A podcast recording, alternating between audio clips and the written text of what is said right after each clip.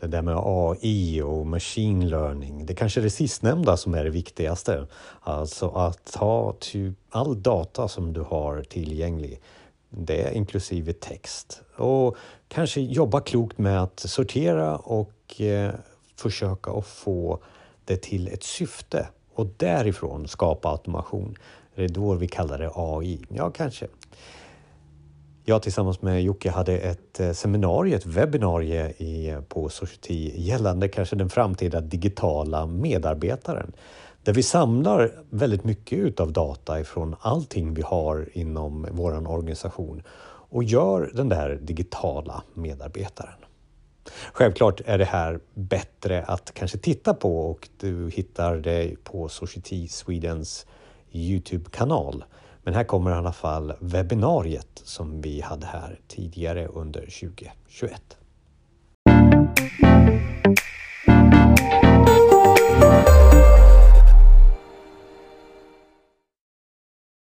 Då är ni välkomna till Society och eh, det som är AI för smartare möten i offentlig sektor.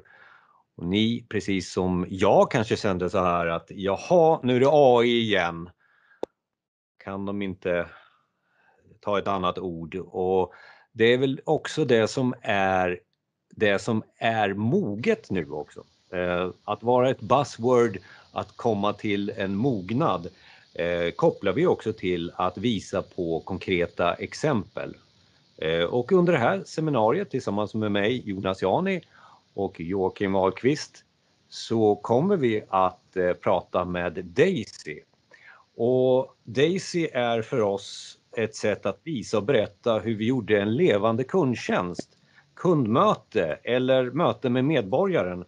Eh, och det här handlar ju om att visa på ett recept på hur man kan göra och implementera AI i offentlig eh, verksamhet och offentlig sektor. Eh, vi har också med oss eh, lite mer om hur du, kan, hur du kan göra med AI men vi lägger tonvikten i det här genom att visa väldigt mycket, exemplifiera. Vad kan jag göra? Vad kan jag ta med mig utav det här? Men vi ska inte glömma bort heller att prata om det som är agendan om just AI eh, och vi lovar er också att ge er separat material eh, när det gäller just AI. Jag och Joakim har eh, även en 15 minuters video som vi gärna referera till också och det kommer med i ert mail som ni får förstås efter det här. Där vi just pratar om den framgångsrika receptet på de samlade in, eh, erfarenheterna hur man inför AI. Nu ska jag försöka och eh, sluta och eh, prata och säga att vi spelar in det här. Det kommer att finnas eh, och frågor får gärna komma på slutet och ha på mut så mycket som möjligt, alltså stänga av mikrofonen. Men eh, nu ska jag försöka att prata så lite som möjligt och infoga lite frågor till Jocke när jag inte förstår vad han menar och kanske också inte förstår vad, vad Daisy har att säga. Så Låt oss ta och komma över till Joakim här nu och det är din show tillsammans med Daisy. Ja, tack. Då ska vi se, ska jag dela ljud och en bild här. Nu tror jag att den är på väg upp i alla fall. Ni ser, hoppas jag. Ja. Eh, det vi ska prata om idag då, det är ju hur kan man använda AI för att skapa smartare möten då och specifikt i offentlig sektor och mycket kopplat till det vad, vad handlar tillägget offentlig sektor om? Det är ju mycket on-premise. Faktiskt. Hur kan man bygga AI-lösningar i er egen infrastruktur och inte bara använda cloud? Då? Eh, agendan har ni ju fått se tidigare här så jag tänker vi, vi går vidare och eh, man pratar vad är ett smartare kundtjänstmöte och varför ska vi ha det? Eh, och det utgår ju från utmaningar såklart som, eh, som jag tror allra flesta här känner igen sig i. att Man har frågor som medborgare, som kund. Man vill sätta sig in i komplexa regelverk, diskutera med någon som kan hjälpa till och väldigt ofta hamnar man då att man behöver ringa och prata med någon i telefon. Och då finns det olika undersökningar som ni ser här på, på högersidan att vi sitter som medborgare i den här, eh, den här delen av världen 43 dagar på ett ungefär då, såklart i snitt i vårt liv i telefon och väntar. Eh, det här är en undersökning som Google gjorde för några år sedan och läser man den lite mer noggrant så, så ser man att två tredjedelar de lägger på luren efter bara någon minut. Så skulle alla sitta och vänta tills man får svar så tar det ju väldigt lång tid helt enkelt och förmodligen mycket mer än 43 dagar. Ehm, och det här är ett problem som, som finns i många offentliga verksamheter. Att kunna liksom vara tillgänglig, kunna svara på frågor och dessutom utifrån eh, den medborgare som ringer in då, um, dens kontext och kunna komma ihåg eller så här, på något sätt ha koll på vad har man diskuterat tidigare.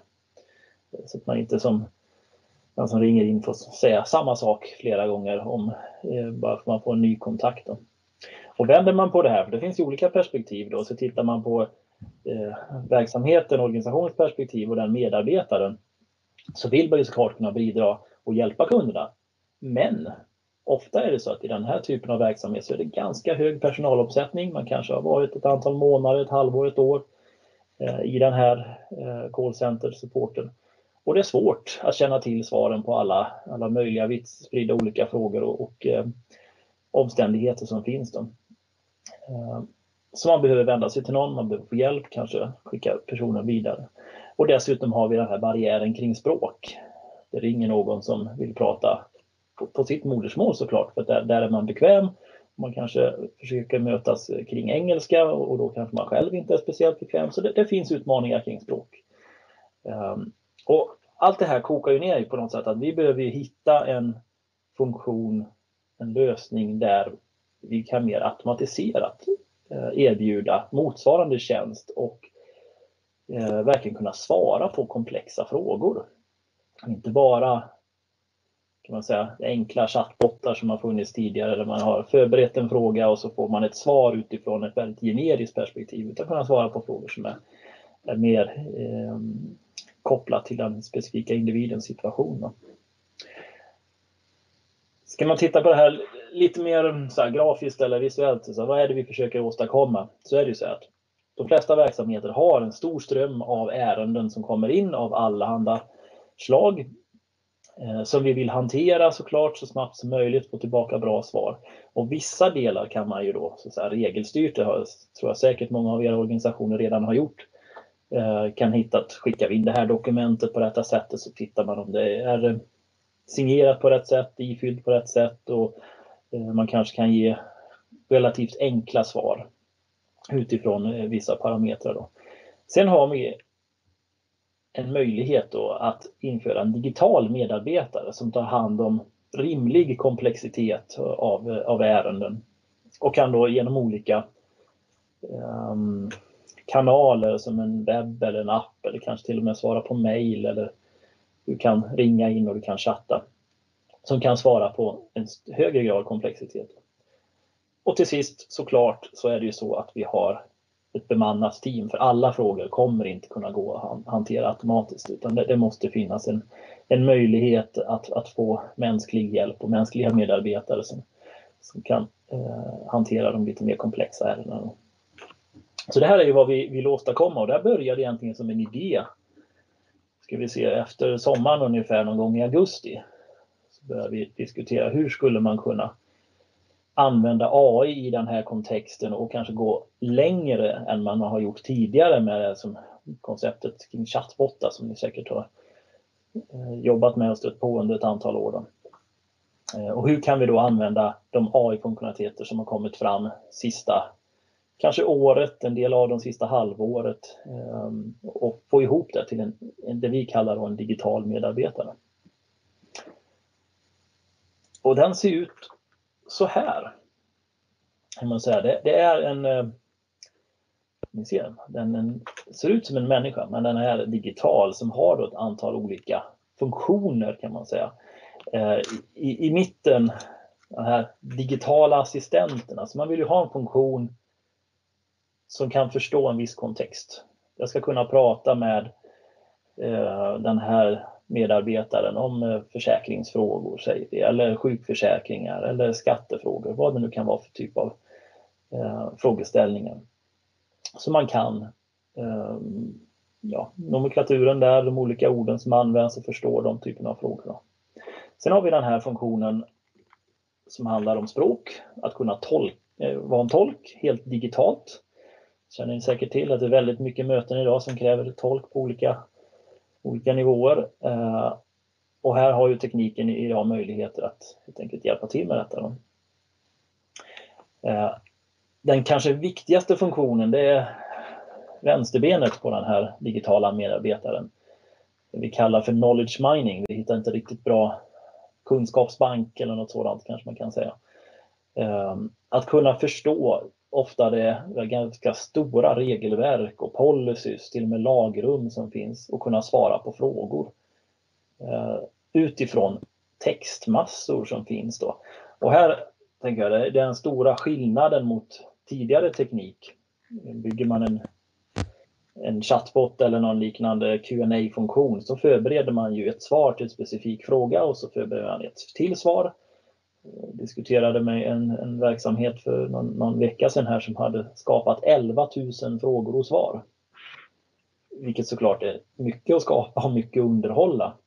Eh, det vi vill skapa här det är en funktion som helt och hållet utifrån text, dokument som redan finns, information som finns på webben eller någon guideline som man har internt kan läsa och svara på frågor. Så det är en, en väldigt viktig del i det här och där vi har lagt eh, en, en del fokus på att få, få det här att fungera. Och sen har vi den här funktionen att förstå kundens, medborgarens kontext. Att då kunna automatisera och hämta in att är du inloggad på någonting sätt, något bank-id eller vad, vad man nu använder för att identifiera sig själv. Att man faktiskt kan hämta in information om den personen som, som, som vi som verksamhet redan känner till så att vi inte behöver fråga om det och, och personen i fråga behöver repetera då, utan det kan hämtas ifrån de system som har informationen. Och även kunna göra enklare registrering kan man ju tänka sig i framtiden, att man faktiskt hanterar ett ärende helt och hållet automatiskt Det kommer säkert vara behov av kontroller och, och, processer runt omkring det, men att tekniken finns där. Um, sen har vi en tanke om att, att göra det här digitala medarbetaren eh, så mänsklig som möjligt. Du ska uppleva att det här är faktiskt en, riktig konversation jag har här. Eh, så vill vi skapa en avatar som ser mänsklig ut. Eh, så jag pratar med någon, så att säga. det är inte bara ett, ett, ett ett tomt chattfönster eller en, en tecknad figur utan någon som, som kan ha en, ha en lite djupare relation till. Och här tänker vi också att om man kombinerar det här med tekniken som kallas AR, Augmented Reality, eh, så kanske vi kan skapa en person som man kan ha sittandes jämte sig i, i, i köksstolen runt, runt köksbordet eller man har en miniatyr så kanske den går omkring på köksbordet. Eh, man kan tänka sig att man får en liksom fokus på konversationen på ett annat sätt. Eh, precis som när vi sitter här och pratar, jag och Jonas, i, Teams, så får man lite bättre fokus och, och känsla för vad som sägs. För att det finns någon som framför budskapet och, och det vill vi skapa också. Då. Eh, och sen ska man då kunna konversera med den här digitala medarbetaren. Eh, chatt, det vet vi sedan innan. Där har vi säkert provat alla av oss eh, många olika eh, funktioner där du kan chatta som dyker upp i högra hörnet på en webbsida. Men här ska vi också kunna tala på rätt språk. Alltså jag ska kunna prata eh, med min dialekt eh, och den digitala medarbetaren ska förstå. Då. Eh, och även teckenspråk, nu är det inte något vi har implementerat ännu men eh, vi ser att det finns möjligheter, tekniken finns där för att implementera eh, teckenspråksanalys via kamera också då, så man kan kommunicera på den vägen. Så det här kan man säga, det, det är en digital medarbetare, det är just nu stadiet av en innovation.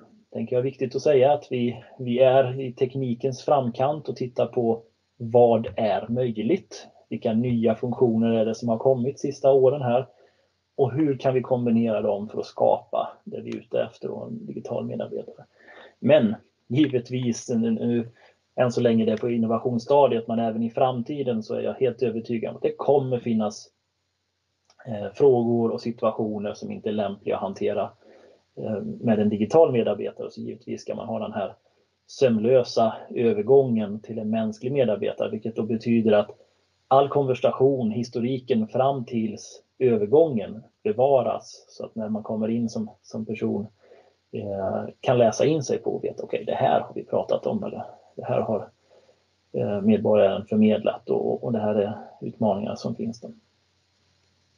Går det att förstå det här Jonas? Ja, och, och, och Joakim, jag vill ju säga det, jag tror att många som, som lyssnar på det här har testat kanske chattbotten tidigare och liksom den har fullt, fyllt sin funktion. Mm. Det du visar upp här nu, som jag uppfattar det, det är att vi fyller den här chattbotten med mer intelligens ifrån det då AI då eh, och, och, och, gör den lite mänsklig. Är det en naiv mm. Kort Nej men det kan man väl säga. Alltså, vi, vi, chattbotten har ju på något sätt funktion att kunna svara på frågor och konversera och, och så här. Och, och det, det är mycket det jag lägger i digital assistent. Den funktionen behöver ju finnas här också. Den kan bli smartare och bättre och det kan vara trevligare frågor och konversationer. Men det finns två perspektiv där vi adderar till här. Eh, det ena är ju interaktionen. Att det ska finnas en person som ser mänsklig ut, som beter sig och rör sig som en människa som jag kan prata med på min... Jag kan tala till den. Jag kan använda teckenspråk om det är så att jag behöver det. Jag får en annan känsla i kommunikationen. Och det andra är ju att lägga till så att säga, i backend, om man får uttrycka sig så, i en chatbot, förmågan att kunna svara på frågor som inte har förberetts. Så är ju chattbottar idag. Vi, vi måste förbereda varje typ av fråga som kan komma in med ett svar. Och, och, det är ju en ganska stor arbetsinsats att säga och här finns ju allt beskrivet, det är jag alldeles övertygad om. Det finns policy guidelines, eller vad man ska kalla de här dokumenten, som beskriver hur det förhåller sig. Och Joakim, det kommer frågor på, på chatten just det här med att liksom lägga på till exempel undertexter, vad som sägs i tal och skrift. Och, eh, men det är ju sånt som vi vill addera, det är ju tekni teknik då. Eh, mm. Men det, de frågorna som också eh, kommer, det är varför ska vi göra en mänsklig? Och du touchar ju lite där också.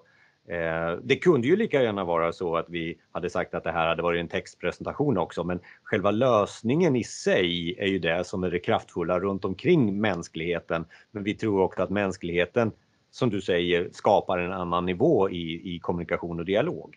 Mm. Och sen tror jag att det är klart man behöver vara tydlig med den som loggar in och interagerar med en sån här funktion att det är en syntetisk person eller en digital medarbetare man pratar om så att man inte på något sätt försöker lura kunden. Eh, däremot så som, som vi tänker oss att man får en, en lite bättre upplevelse eh, i, i, det, i den konversation man har. Då. Eh, okay. undertexter, så att i en sån här lösning så hanterar man ju informationen som flödar fram och tillbaka. Så där kommer det finnas alla möjligheter att så printa ut exakt vad som står. Och det, ni kommer få se alldeles strax här att det jag säger, det eh, printas ut vad den har uppfattat. Så att man kan verifiera det. Både, nu är det väldigt intressant, så här, fungerar det här verkligen? Kan han förstå vad jag säger? Jag har suttit och testat sista dagarna här.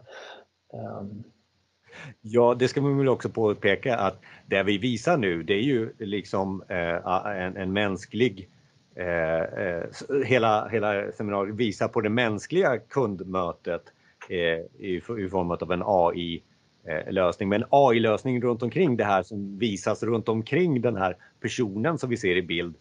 Det är ju också det som är det kraftfulla och då kan man presentera det på andra sätt också. Om det är i test eller bara tal eller text eller bara tal. Det, det, är liksom avgörande senare. Men i det här fallet så visade vi presentationen via mänskligt mm. Jag ser. Mm. Den ser jag på chatten också att det här väcker ju jättemycket frågor. Så här. Om vi helt plötsligt hanterar konversationer automatiskt, vem bär då ansvaret för den typen av konversation? Och, och parallellen till självkörande bilar och att man faktiskt måste på något sätt kunna styra och ta beslut om okay, den här typen av fråga där kommer vi ge det här svaret. Eh, och här, här är ju en, en lång resa som vi både på teknisk sida men framförallt verksamhetsmässigt måste jobba med. För nu, nu börjar tekniken komma på plats för att åstadkomma de här sakerna.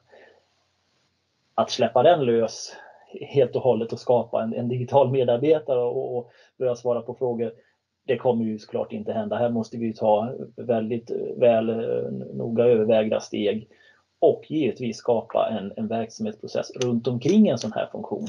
Så att om man har, vi säger att vi har 50 personer i en kundtjänst idag, så kanske en del av dem kan hantera övervakning runt en sån här tjänst och, och ser så att den faktiskt svarar korrekt. Man kanske inte behöver sitta och skriva och konversera med alla.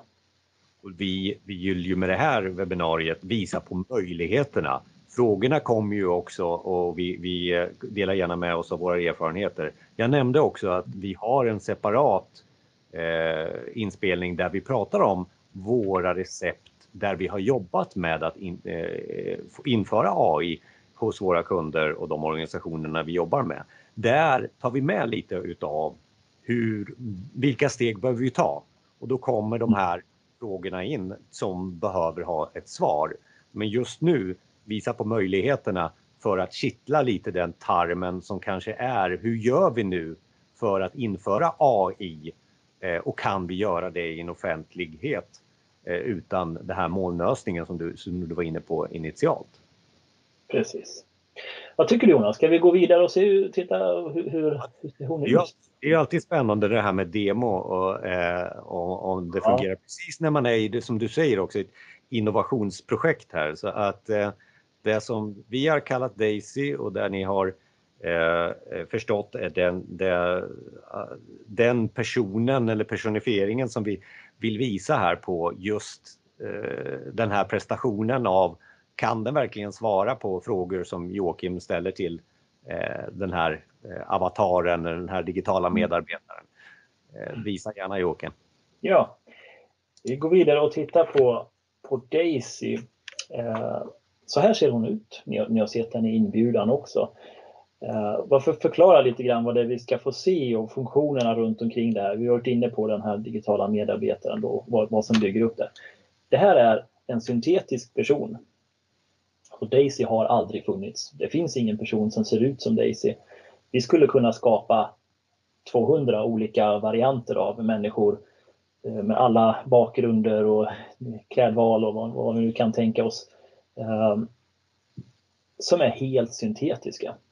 Det vill säga genererade. Det är en, det är en AI-teknik som kan göra detta. Och ni har säkert hört talas om deepfakes och sett filmer på, på både Youtube och Facebook och så. Eh, som ser verkliga ut men är, men är uppenbart eh, genererat. Eh, Daisy, nu är det bara ett foto här men hon kommer strax att röra på sig. Och det är en människa som har suttit framför en kamera och då rör hon, han är det faktiskt, vår CTO som har rört på sig lite och blinkar lite och så här. Och påföra dem till den typen av rörelser på den syntetiska personen. Då. Och sen finns det en språkförståelse, det vill säga lyssna, tal, förstå språket, vad är det för typ av fråga. Och sen har vi den här kunskapsbanken, knowledge mining-delen som eh, såklart behövs för att kunna svara på en fråga. Eh, och sen när frågan kommer tillbaka så måste det genereras ett svar som också då är syntetisk röst. Att man faktiskt hör någonting och läppar och ögonrörelse, mimik hänger med och det upplevs verkligt. Nu vill säga att den första demon här, eh, det är ett filmklipp jag har gjort under förmiddagen här för att vara eh, lite säkrare på det här med demospöket som dyker upp. Eh, då kommer vi få se det på engelska. För vi ser att det här med att ställa lite svårare frågor faktiskt fungerar Eh, och i en kontext. Vi har plockat eh, information eh, som finns publikt på Försäkringskassans hemsida och, plock, och gett den texten, ett antal A4-sidor, in till till Daisy. Och så ställer jag frågor utifrån den här texten. Ingenting är förberett, jag har bara tittat i texten och så har jag valt vissa frågor som jag ställer och så svarar hon dem. Så hoppas jag att ljudet fungerar här när jag klickar vidare. Då. Ni kommer också få se att det printar ut den, den, eh, den fråga jag har ställt. Kan vi få bort den där. Så.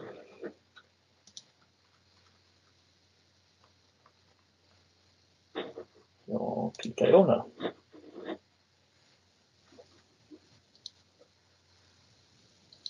For how long do I have free dental care? Until the age of 23. What happens to my dental care at the age of 24? You can receive National Dental Care Subsidy. Tell me about the European health insurance card. The European Health Insurance Card entitles you to medical and dental care while you are in an EU slash EEA country or Switzerland. The card is free of charge. How many parent benefit days are reserved for each parent? 60 days.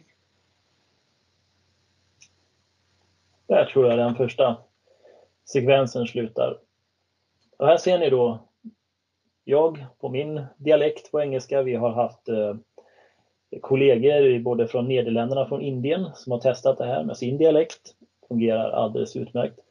Eh, och jag sa fyra med fel här. Ni, ni såg där det sista delen av klippet så, så sa jag date istället för days.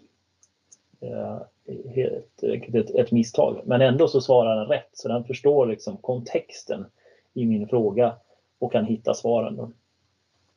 Eh, anledningen till att det här är på engelska är att det här är väldigt avancerad och ny teknik som flera delar har egentligen kommit. Jag tror vissa saker vi använt här har släppts i november. Så det, det, det är ny AI-teknik eh, för att kunna svara på frågor på det här sättet. Eh, så vi, eh, vi har använt ett, ett internationellt team som har satt samman eh, den här funktionen, den här demon. Då. Eh, och sen har vi såklart en stark ambition när vi ska visa på hur det här kan se ut även på svenska och andra språk. Ehm, det finns ju olika plattformar som, som stödjer språk till tal och väldigt ofta är det så att det är cloudplattformar. Jag vill understryka här igen att all funktionalitet som vi ser här idag är möjligt att sätta upp on-premise. Ehm, väldigt mycket av det som finns eh, inom AI-världen är open source och det är det vi har använt oss av eh, för att få ihop den här funktionaliteten. Då. Det vi ska få se nu då är Ja, Jonas. Bara en repetition, man tittar så här och så, så ser man det här. Eh, bara repetera, okej, okay, vi kan flytta allting som har med kod att göra som ni nu ser innanför murarna eh, så att man inte behöver ha det hos någon av de här leverantörerna. Eh, du har använt data här som är data som jag också har innanför murarna, alltså som jag har producerat från en kommunikationsavdelning. Eh, det som tekniken gör är att den hämtar texten, använder tekniken för att sen presentera det på det här sättet. Är det, det är det enkla som vi har sett här egentligen? Ja, det kan man säga. Och här, jag ser frågor i chatten till exempel, vilken eh, kunskapsbank är uppkopplad till? Man kan ju integrera till precis vad som helst här. Eh, det viktiga är att förstå att Daisy läser text. Så det är inte så att du ska förbereda någon eh, liksom, matris med frågor och svar i Excel eller vad man kan tänka sig. Utan vi har helt enkelt plockat ut text ifrån eh, den engelska versionen av Försäkringskassans hemsida för att kunna ställa den här typen av frågor eh, och matat in det i, eh, i, i Daisy, en integration. Då. Och här skulle man kunna tänka man, man kopplar upp mot ett, en del i, i dokumenthanteringssystem där man har de olika guidelines där man svarar på regelverket hur det ser ut. Förutom att vi ser en person här personifierad i grundtjänst är den här lösningen också bättre än en chatbot eh, på, på här, för att få det här svaret som man ställer frågan? Det, bättre kommer vi ju få utvärdera såklart tekniken och, och driva projekt och, och, verkligen se till att vi, vi säkerställer kvalitet och allting runt omkring här. Men den är i vart fall väldigt annorlunda i, i sin utgångspunkt. Just för att chattbottar, det behöver man förbereda ett flöde. Man pratar om att man har ett dialogflöde, en form av graf kan man säga med noder där det finns frågor i en logisk följd och någon har tänkt exakt så här ska vi ställa frågor och resonera och ge svar tillbaka. Eh, med Daisy så sköts det här automatiskt. Det finns nu teknik Eh, en del av er kanske har hört talas om det som heter GPT-3 som är en open source-teknik som Microsoft har köpt upp och lanserat som, som kan föra en konversation helt automatiskt. Och Google har släppt en motsvarande som eh, kommer open source som man kan sätta upp eh, on-premise där man kan föra en dialog eh, som inte är förberedd och det är ju den stora skillnaden då mot en chatbot det finns många frågor i chatten och vi kommer ju tillbaka till det, men vi vill ju också påstå att vi kan fylla på väldigt mycket utav, nu har vi visat på data som är befintlig, men vi kan ju också sätta igång machine learning eh, eh, algoritmer också som gör att den kan svara på sånt som kanske inte står helt uppenbart i en textsekvens eh, också. Ja. Eh, och, och, och, du kommer visa bilden igen som du nyss visade med, med hela den här digitala medarbetaren. Det handlar ju om att fylla på här. Eh, ja precis, för det här är ju byggblock så att säga. AI är, så det är många små funktioner som hela tiden utvecklas och förändras vad som är möjligt. Och de här byggblocken har vi nu satt ihop för att för första gången få en digital medarbetare att, att realisera så att säga. Och nu vill vi berätta om den här möjligheten och det är klart, det finns många steg att ta på vägen här innan man får en fullfjädrad eh, motsvarande en, digital medarbetare. Då. Vad tycker du? Ska vi titta på den svenska versionen också? Och då går det att säga att eh, som jag var inne på, det här är en, en resa som pågår eh, och det vi har gjort eh, på den svenska sidan det är att förstå vad jag säger på svenska, kunna tolka min, min röst, eh, Eh, detektera att det faktiskt är svenska. Ni, ni, ser på bilden att det står eng US, så att jag pratar engelska med tydligen lite amerikansk eh, dialekt. Ehm, här kommer det automatiskt välja svenska, så det är inte två versioner av Daisy som är engelskt och svenskt. Det är samma som känner av att okej, okay, nu, nu pratar Joakim svenska här. Ehm, svaren som hon kommer ge här de är inte uppkopplade mot en kunskapsdatabas. Så att hon kommer ge lite andra typer av svar utifrån en helt generisk eh, kunskapsbank. Då, som, så därför ställer jag lite mer vardagliga frågor. Men vi kommer få se att hon förstår svenska och hon pratar svenska tillbaka så att vi, vi, vi förstår. Så tar jag och klickar fram nästa lilla videosekvens här. For how long do I have free dental care? Jag har hoppat ett steg bakåt av någon anledning. Vem är du? Jag är detta datasystem. Du kan kalla mig fortfarande Haynes. Kan du berätta något om London? Jag försöker hela tiden få någon att berätta om London, men ingen orkar göra det.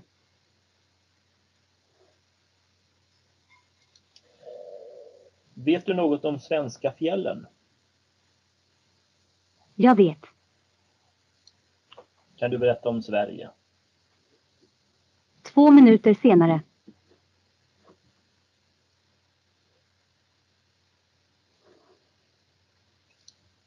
Kan du några barnvisor? Vill du ha ett barn?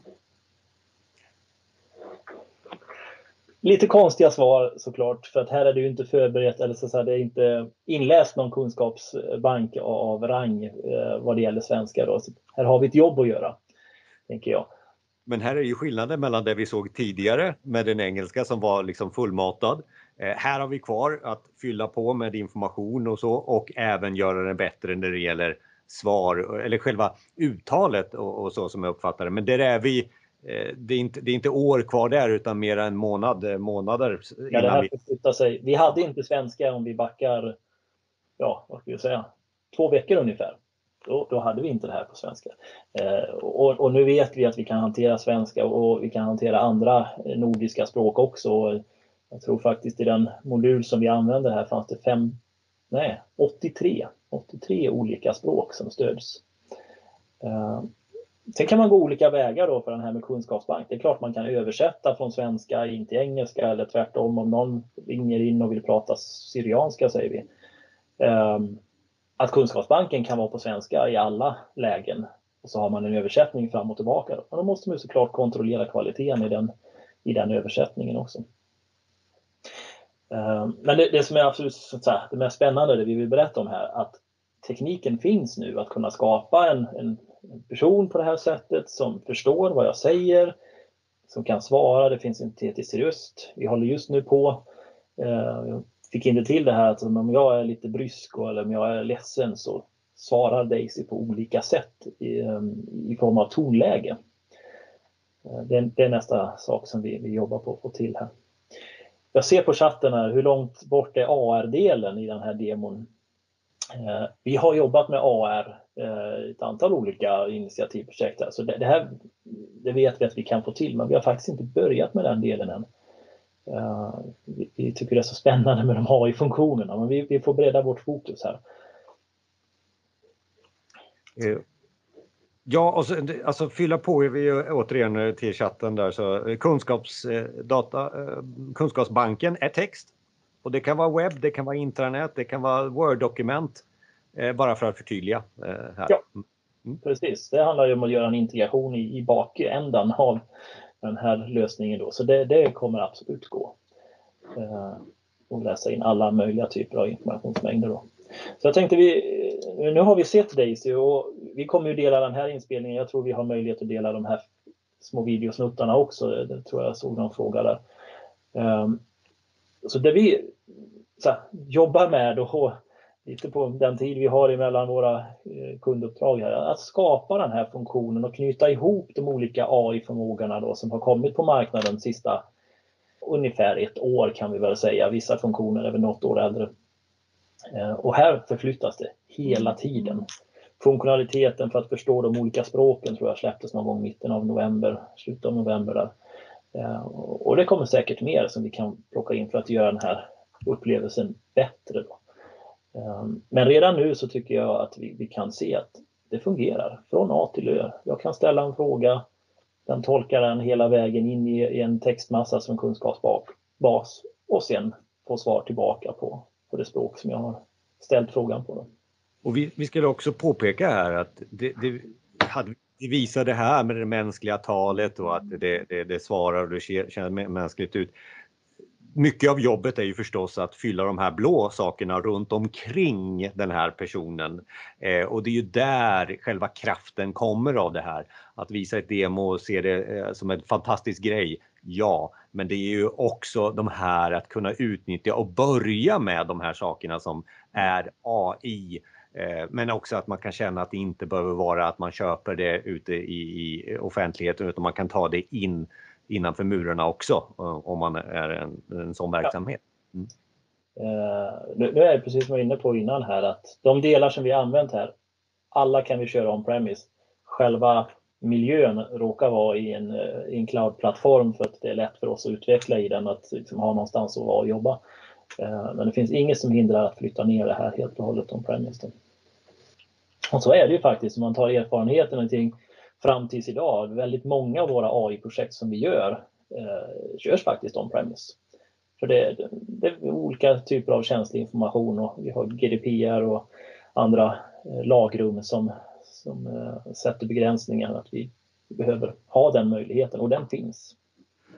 Och vi hade ju en, en sån eh, fråga förstås i, i chatten och frågor kommer, eh, ta gärna dem på, på slutet. Ni kan fortsätta och, och chatta i frågor. Men hur går vi tillväga? Hur tänker vi när det gäller AI här nu, eh, eh, Joakim? Eh, för att nu har vi visat det mesta här som, som vi skulle vilja visa. Va, va, vad är det för någonting som vi gör med AI och vi har pratat AI? Ja precis, och frågeställningen i agendan här, vad är AI 2021? Och det jag hoppas och det jag tror det är att vi kommer få se fler utvecklingar i den här riktningen att faktiskt skapa intelligens på riktigt. Ehm, och tittar man på vad vi har gjort kanske fram tills idag då så är det ju en uppsjö av många olika projekt. Här har jag försökt sammanfatta eh, en del vad som sker på offentlig sektor då. Ehm, och, man kan ju säga att försöker man boxa in vad som har hänt fram tills idag så är det i, fyra kategorier. Då. Länge har vi jobbat med olika former av stöd eh, till beslutsprocesser framför allt. Och titta till exempel på bedrägerier och den typen av analyser, avvikelser och identifiera det. Då. Och sen är det mycket interaktion med medborgare. Chattbottar helt enkelt som har, som har jobbats med. Eh, och nu kommer också det som kallas för automation RPA är mer tekniskt namn på det och skapar en intelligent automation. Eh, och det jag ser nu framåt och även förra året är ju att väldigt många av de här lösningarna som, som sker inom AI, det är inom området textanalys, NLP heter det då, Natural Language Processing, att hantera text, språk, tal i olika former. Det är mer än varannat AI-initiativ handlar om det området. Eh, och tittar vi på några konkreta exempel då, till exempel kognitiv dokumenthantering, att kunna läsa dokument, hantera dokument i väldigt stora mängder automatiskt. Här har ju funnits teknik som OCR och sådant tidigare som kan hantera när du har en template. Du får informationen på exakt det här formatet eller tio olika format. Men har du en verksamhet där någon skriver in precis som de vill, det kommer information på alla möjliga olika format, då behövs det något mer och där finns nu AI-teknik som kan läsa dokument mer eh, så att säga, generiskt då, som har börjat implementeras. Sen är det ju inom forskarvärlden såklart eh, bildanalys, cancer och sånt som man har jobbat med i många år där man börjar se riktigt bra progress. Då.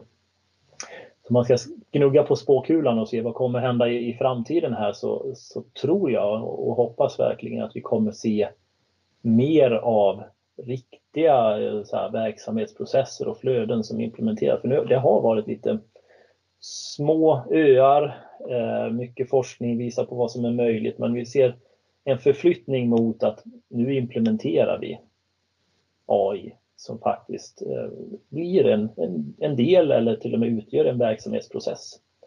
Och givetvis ska sägas då att det är inte så att man ersätter alla människor runt omkring det här. Det har vi ju sett i, i industrin många gånger tidigare. Det kommer robotar som förändrar livet för en verkstadsarbetare. Det finns fortfarande massvis av människor kvar i en verkstad som jobbar med saker runt omkring den här automationen så att vi kan göra mer på den, den tid vi har, skapa mer nytta. Då. Eh, ja, det är vad jag tänker för framåt 2021. Ja, alltså det finns ju väl, och det här är ju det som man ofta möter, men vad vi också säger här, nu börjar, det, nu börjar vi bli praktiska, nu är det inte så mycket eh, AI i framtiden, utan nu, nu har vi samlat på oss erfarenhet och jag har nämnt det några gånger eh, att vi har ett eh, separat inspelning med video där vi pratar om eh, Eh, våran samlade receptbok eh, på Society, hur vi har infört AI-projekt, lite mera eh, gör så här 1, 2, 3. Men, men självklart så ska vi också prata om det nu Joakim. Ja, jag tänker vi ta ett litet avsnitt till. Hur går man vidare? Vad är stegen framåt här? Och det, det finns ju så många aspekter av det. här. Jag har försökt att eh, samla några av dem. Jag ska, jag ska toucha på, på ett par av dem här. Att, det vi ser här och, det jag verkligen rekommenderar det är att titta på verksamhetsprocesserna. Titta inte på tekniken. Nu har vi tittat på vad som är möjligt med tekniken fine, nu vet vi att det här ser ut att gå. Vad ska vi ha det till? Vad är det vi ska åstadkomma? och ha fokus där. Um, träningsdata står här också och det är någonting man behöver tänka kring och, och, och börja tidigt. För träningsdata, det ser vi, det är nyckeln till all AI-funktionalitet. Uh, ehm, tekniken, rent AI-modellerna, intelligensen, de finns där idag. Eh, för ett antal år sedan var det sådär lite 50-50 om vi försökte åstadkomma någon form av eh, AI-funktion om det skulle gå eller inte överhuvudtaget. Eh, nu ser vi i princip att 90-95% av alla projekt går att genomföra. Det handlar om att ha data få träna upp och få tillräckligt bra kvalitet. Då. Så det är någonting man måste jobba med mycket. Ehm, sen har vi den här punkten kring plattform, moln, öppen källkod. Ehm, jag tror att vissa verksamheter initialt när AI-eran började började titta på vilken plattform, vilken produkt ska vi ha. Ehm, nu har man nog passerat den och, och så kämpar man med frågan om ska man behöva gå till molnet? För där verkar ju all AI-funktionalitet på något sätt födas.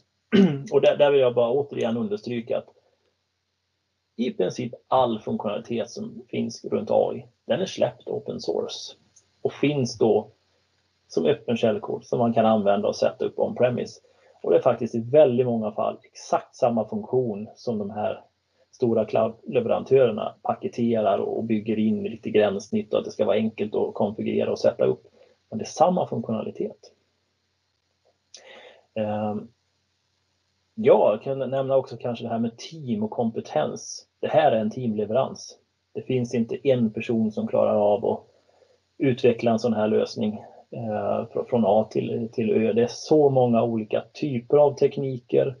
Eh, även om det är mycket AI och ni känner säkert till begreppet data science eh, så är det inte en data scientist som klarar av att utveckla en sån här lösning utan man behöver olika expertis på olika områden eh, och, och ha ett team som jobbar tillsammans och som kompletterar varandra. Det här med eh, träningsdata, det låter ju, för, för, i chatten var det ju frågor liksom, kan jag hämta material härifrån myndighetens webb, kan jag hämta från intranätet?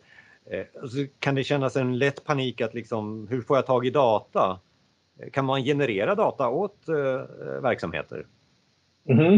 Eh, I alla fall för att komma igång med att utveckla AI eh, så kan man ju det. Alltså jag brukar säga så att, att har du inte data, ja, men, låna från någon annan kund. Det har vi till och med gjort i något fall. Eller plocka ner något öppet dataset. Eller så genererar man syntetisk data.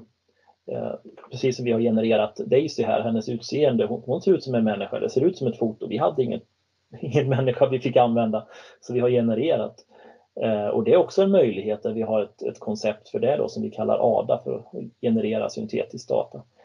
Eh, så det finns olika vägar till, till målet. Sen när man ska väl komma till en riktig produktion, då behöver man ju på något sätt ha riktig data som är i alla fall utgångspunkten för en, en, en lösning. Mer så här på slutet eh, Joakim på, på receptet. Vi ska också komma till frågor också förstås. Mm, jag tänker, ska man ta det här vidare? Nu har vi pratat om den här gubben, vi har tittat på den två gånger tror jag. Eh, ska man titta på vad, vad, är de här olika? Det är ett antal olika funktioner som vi har eh, som utgör den här personen, den digitala medarbetaren. Och här handlar det då om att fokusera kanske på det vi kallar för knowledge mining. Titta verkligen på hur kan vi utveckla den? Hur får vi den till att svara på mer och mer komplexa frågor? Idag har vi en, en funktion som heter BERT som kan läsa text och förstå kontexten och svara på frågor utifrån att det står någonstans svaret på den här frågan. Men vi vill ju kunna skapa en mycket mer komplex eh, svarsmodell där vi kanske har ett dokument där det står någonting eller en annan, ett annat stycke och så koppla ihop. Okej, okay, det som stod här ihop med detta stycket, det här blir svaret på frågan. Och lika ser det ut eh, i andra delar då. Det här med talat språk, då har vi kommit ganska långt här nu med svensk modell och andra språk. Det kommer säkert finnas behov att utveckla det vidare. Eh, avataren, få till den och sådär. Så det finns, man kan se det här som lite olika utvecklingsspår som kan drivas parallellt och sen det som är nummer sex här är att sätta ihop allt sammans och få det att fungera i en helhet. Det är några steg, men det är också det här att få ihop helheten och den bilden som vi hade eh, visat som det här handlar om, inte bara kanske visa den, den, den eh, fysiska eh, chattbotten som kanske en del kan tolka det här som också. Mm. Så Joakim, på slutet så här, är det någonting vi kan trycka på extra noga just gällande den här bilden till exempel? Ja, det är väl att se möjligheten att kombinera olika tekniker. Nu pratar vi om AI som något paraply, vilket, vilket det är. Eh, men i grunden handlar det om att förstå hur de här olika pusselbitarna kan tillsammans utgöra någonting som, som faktiskt skapar nytta. Eh, och, och, och de möjligheterna ser vi och vi har fått, fått eh, vissa delar av det här, får man vara ödmjuk och säga, att, att fungera. Och vissa delar har vi framför oss som behöver utvecklas och detaljeras mer.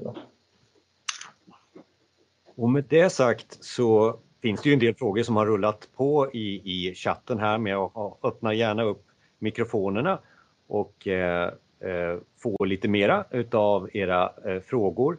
Eh, jag kan citera Maria eh, Nilsson här, alltså det här med att digitala eh, medarbetaren är ett ansikte utåt. Hur jobbar vi med etik så att eh, Daisy inte svarar på olämpligt? Mm. Det är klart, det är en, en väldigt viktig fråga och det finns flera perspektiv på det.